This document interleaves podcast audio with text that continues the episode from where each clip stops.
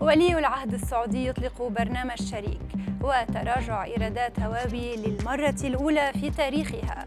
وأسهم دليفرو خسرت ملياري دولار في أول تداول لها. أبرز الأخبار الاقتصادية خلال الساعات الأربع والعشرين الماضية في دقيقتين على العربية بودكاست.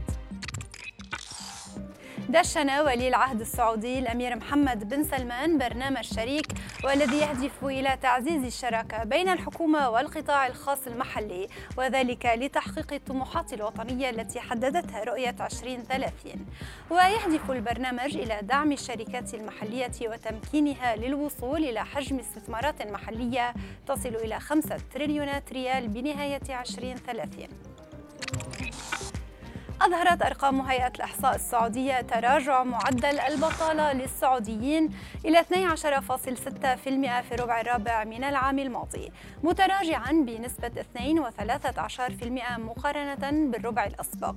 وأكدت الهيئة أن المملكة من أقل الدول في العالم تأثرا في نسب البطالة بجائحة كورونا.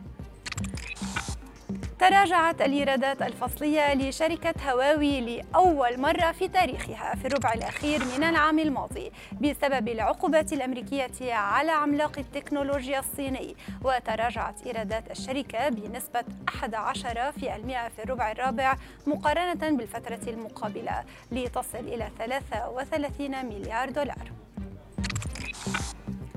هوى سهم دليفرو ب 30% في اليوم الأول لتداول السهم في بورصة لندن. ليصبح أكبر تراجع لسهم تشهده البورصة في اليوم الأول منذ سنوات حيث تم تقييم الشركة عند 7 مليارات و600 مليون جنيه استرليني. ويعد اكتتاب دليفرو هو الأكبر في بورصة لندن منذ عشر سنوات عندما تم طرح جلينكور للاكتتاب.